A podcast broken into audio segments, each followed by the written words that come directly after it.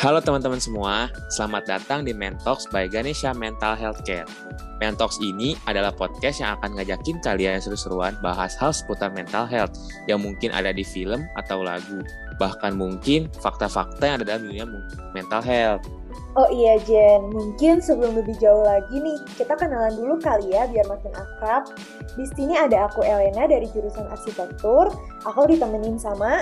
Aku Rajen dari jurusan teknik sipil. Nah, kita berdua bakal menemuin kamu selama beberapa menit ke depan. Nah, Len, di Mentox perdana kali ini, kita bakal bahas apa aja sih? Oke, jadi untuk membuka episode Mentox kali ini, kita bakal bahas sesuai judul podcast kita hari ini, yang tentunya bakal menarik banget nih buat kita bahas, yaitu Impact of Social Media on Mental Health.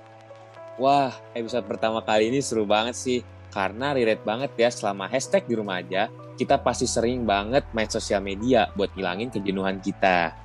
Bener banget, Jen. Jadi sekarang kita bakal bahas lebih dalam gimana sih impact-nya ke kondisi mental kita.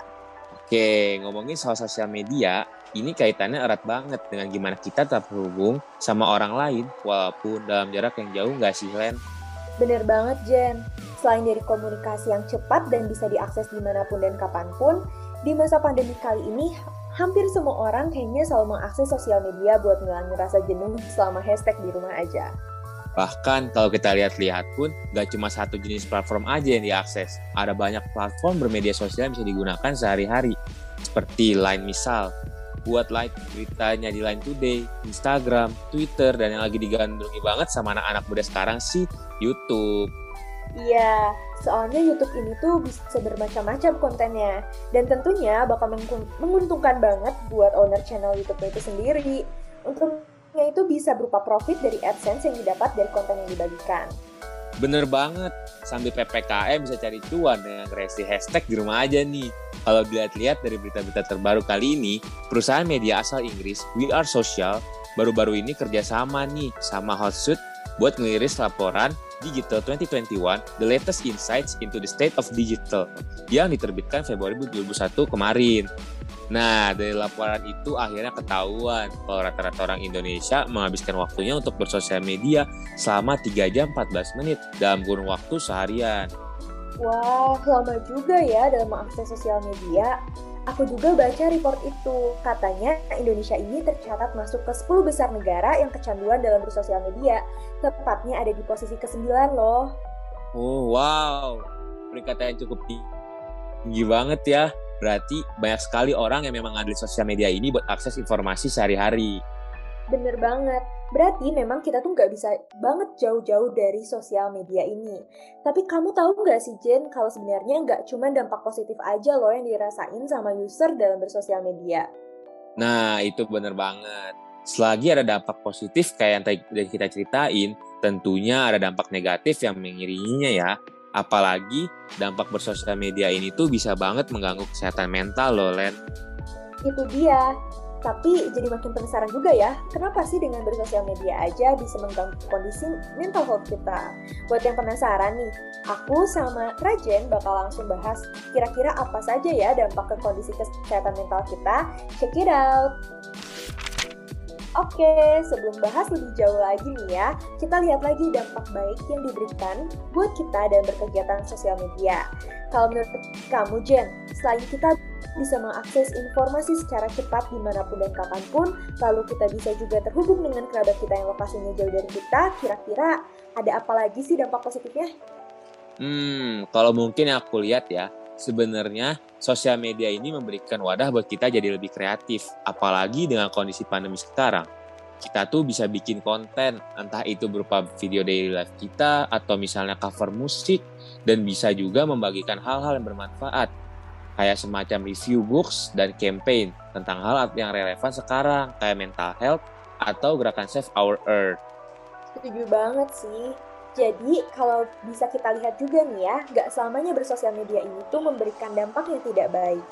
Kita bisa mengasah kreativitas dengan bikin konten atau mungkin menambah skill editing kita, lalu memperluas jangkauan pergaulan hanya melalui dunia maya. Yap, bener banget. Tapi kalau misalkan kita lihat nih, selama ini kayaknya bukan cuma informasi baik aja ya yang tersebar di sosial media ini, Bahkan yang masuk trending di Twitter aja atau mungkin YouTube banyak juga berita buruk yang mungkin bisa bikin user yang membacanya agak terusik dan nambah-nambahin pikiran aja. Hmm, bahkan kayaknya bukan nambahin pikiran aja sih. Dengan adanya informasi yang kurang baik itu bisa menimbulkan konflik antar pengguna sosial media. Wah, kalau udah berdampak seperti itu bisa-bisa juga kesehatan mental pengguna sosial media ikut terganggu ya.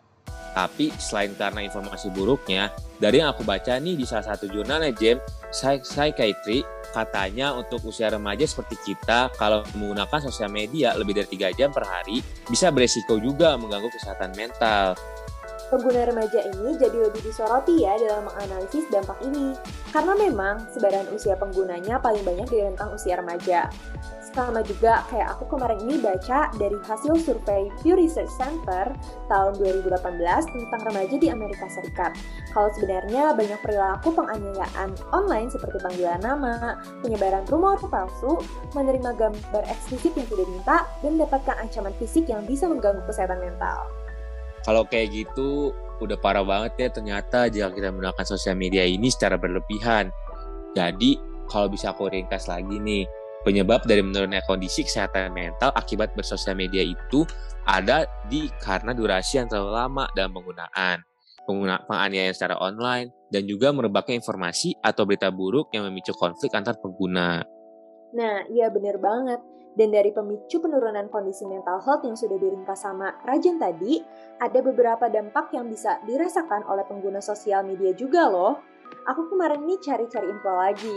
Dari websitenya McLean Hospital itu dijelasin bahwa ada sebuah penelitian di Inggris tahun 2018 yang menyimpulkan penggunaan sosial media nyatanya dapat mempengaruhi kondisi kesehatan mental seperti terpicunya penurunan, gangguan, dan penundaan tidur yang akhirnya menyebabkan depresi, kehilangan memori, dan kinerja akademik yang buruk.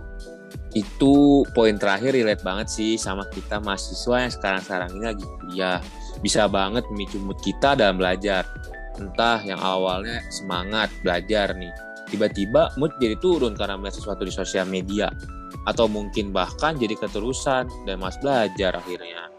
Bener banget, dan penyebab dari turunnya mood saat belajar itu bisa juga dari berkurangnya waktu tidur kita, karena biasanya dipakai buat main sosial media. Hayo ngaku, siapa nih teman-teman yang sering bilang, ah tidurnya 5 menit lagi deh, mau lihat-lihat IG dulu tapi ternyata malah keterusan jadi satu atau bahkan lebih dari dua jam. nah, ngomong-ngomong tentang hubungan sosial media dan depresi, kalau berdasarkan websitenya helpguide.org, nih katanya karena sebenarnya manusia tuh butuh banget kontak face to face untuk jadi sehat secara mental. Tapi kan tidak terwujud karena terlalu sering gak menggunakan sosial media. Jadi katanya semakin kalian memprioritaskan interaksi di sosial media tanpa kontak mata itu, semakin berisiko juga dalam mengembangkan dan memperburuk gangguan mood kalian seperti kecemasan atau anxiety dan depresi. Ya, tapi memang sih butuh banget ya, apalagi kita mahasiswa-mahasiswa online perlu ningkatin mood dengan kuliah tatap muka. Semoga aja ya keadaan cepat membaik, jadi kita bisa cepat-cepat kuliah offline bareng. Amin. Tapi itu bener banget, kita bisa semangat kuliah walaupun materinya berat dengan kuliah offline atau jiwa survive bareng teman-teman itu berpengaruh besar banget buat kita. Itu banget. Kita udah obrolin banyak banget nih soal apa aja dampak yang kita rasain dari bersosial media. Mulai dari dampak positif, lalu penyebab-penyebab dampak negatif yang mengganggu kesehatan mental, sampai ke kondisi kesehatan mental apa aja sih yang biasanya muncul ketika kita berhadapan dengan dampak bersosial media ini. Betul banget. Kalau gitu, kita sekarang bakal ngasih sedikit tips yang ini yang mungkin teman-teman bisa pakai untuk menghindari dampak dari sosial media ini. Kalau gitu, kuy langsung kita bahas. Oke, jadi tips yang pertama dari kita yaitu batasi penggunaan sosial media kamu bisa membatasi kegiatan bersosial media kamu dengan membuat schedule yang alokasi waktunya lebih banyak diisi dengan kegiatan-kegiatan produktif sehingga bisa mengurangi intensitas bermain sosial media kamu dari biasanya. Nah, kalau tips yang kedua gimana nih Jen? Buat tips yang kedua yaitu perbanyak sosialisasi di dunia nyata untuk waktu pandemi sekarang mungkin kalian belum bisa ya berinteraksi dengan teman-teman kalian. Tapi dengan hashtag di rumah aja, kalian bisa banget memperbanyak quality time bersama keluarga. Misal dengan nonton film bareng, ngobrol-ngobrol bareng, atau mungkin mencoba berbagai hal baru seperti memasak atau bercocok tanam. Dengan begini, mood kalian selama di rumah aja bisa terjaga loh, karena kalian terus meningkatkan ikatan kalian bersama orang terdekat. Tips yang terakhir kira-kira apa nih, Len? Nah, tips terakhir dari kita adalah gunakan sosial media kamu secara bijak. Nah, kalau ini penting banget ya, supaya kalian ini terhindar dari berita atau informasi yang membebani pikiran kalian. Hal yang bisa kalian lakukan adalah dengan mengikuti akun-akun yang menyebarkan info atau ilmu yang bermanfaat, dan mungkin kalian sendiri yang bakal mengisi dengan kegiatan kalian yang membawa dampak positif bagi orang lain. Wih, keren banget. Kalau bisa tips-tips ini kalian kalian terapin ya sekarang juga supaya kalian bisa tetap happy dan juga punya kondisi kesehatan mental yang tetap stabil. Mantap betul, Jen. Semoga semua tipsnya bisa membantu kalian ya dalam menghindari semua dampak negatif dari sosial media. Oke, akhirnya nggak kerasa nih kita udah di ujung podcast pertama kita Mentox, Impact of Social Media on Mental Health. Walaupun sekarang sudah berakhir, kita masih bisa ketemu di Mentox episode-episode selanjutnya kok dengan tema yang nggak kalah keren. Bener banget, pesan dari kita adalah dengan Mentox kali ini harus bijak dan menggunakan sosial media dan utamakan kesehatan mental kamu ya. Betul, karena dengan menjaga kesehatan mental kamu sendiri, kamu bisa membahagiakan diri kamu dan orang-orang di sekitar kamu juga. Pokoknya tetap semangat juga ya dalam memberikan impact positif bagi orang lain. Aku Elena dan temanku Rajen. Kita pamit dan see you on the next episode of Mentalks. Bye-bye. Bye.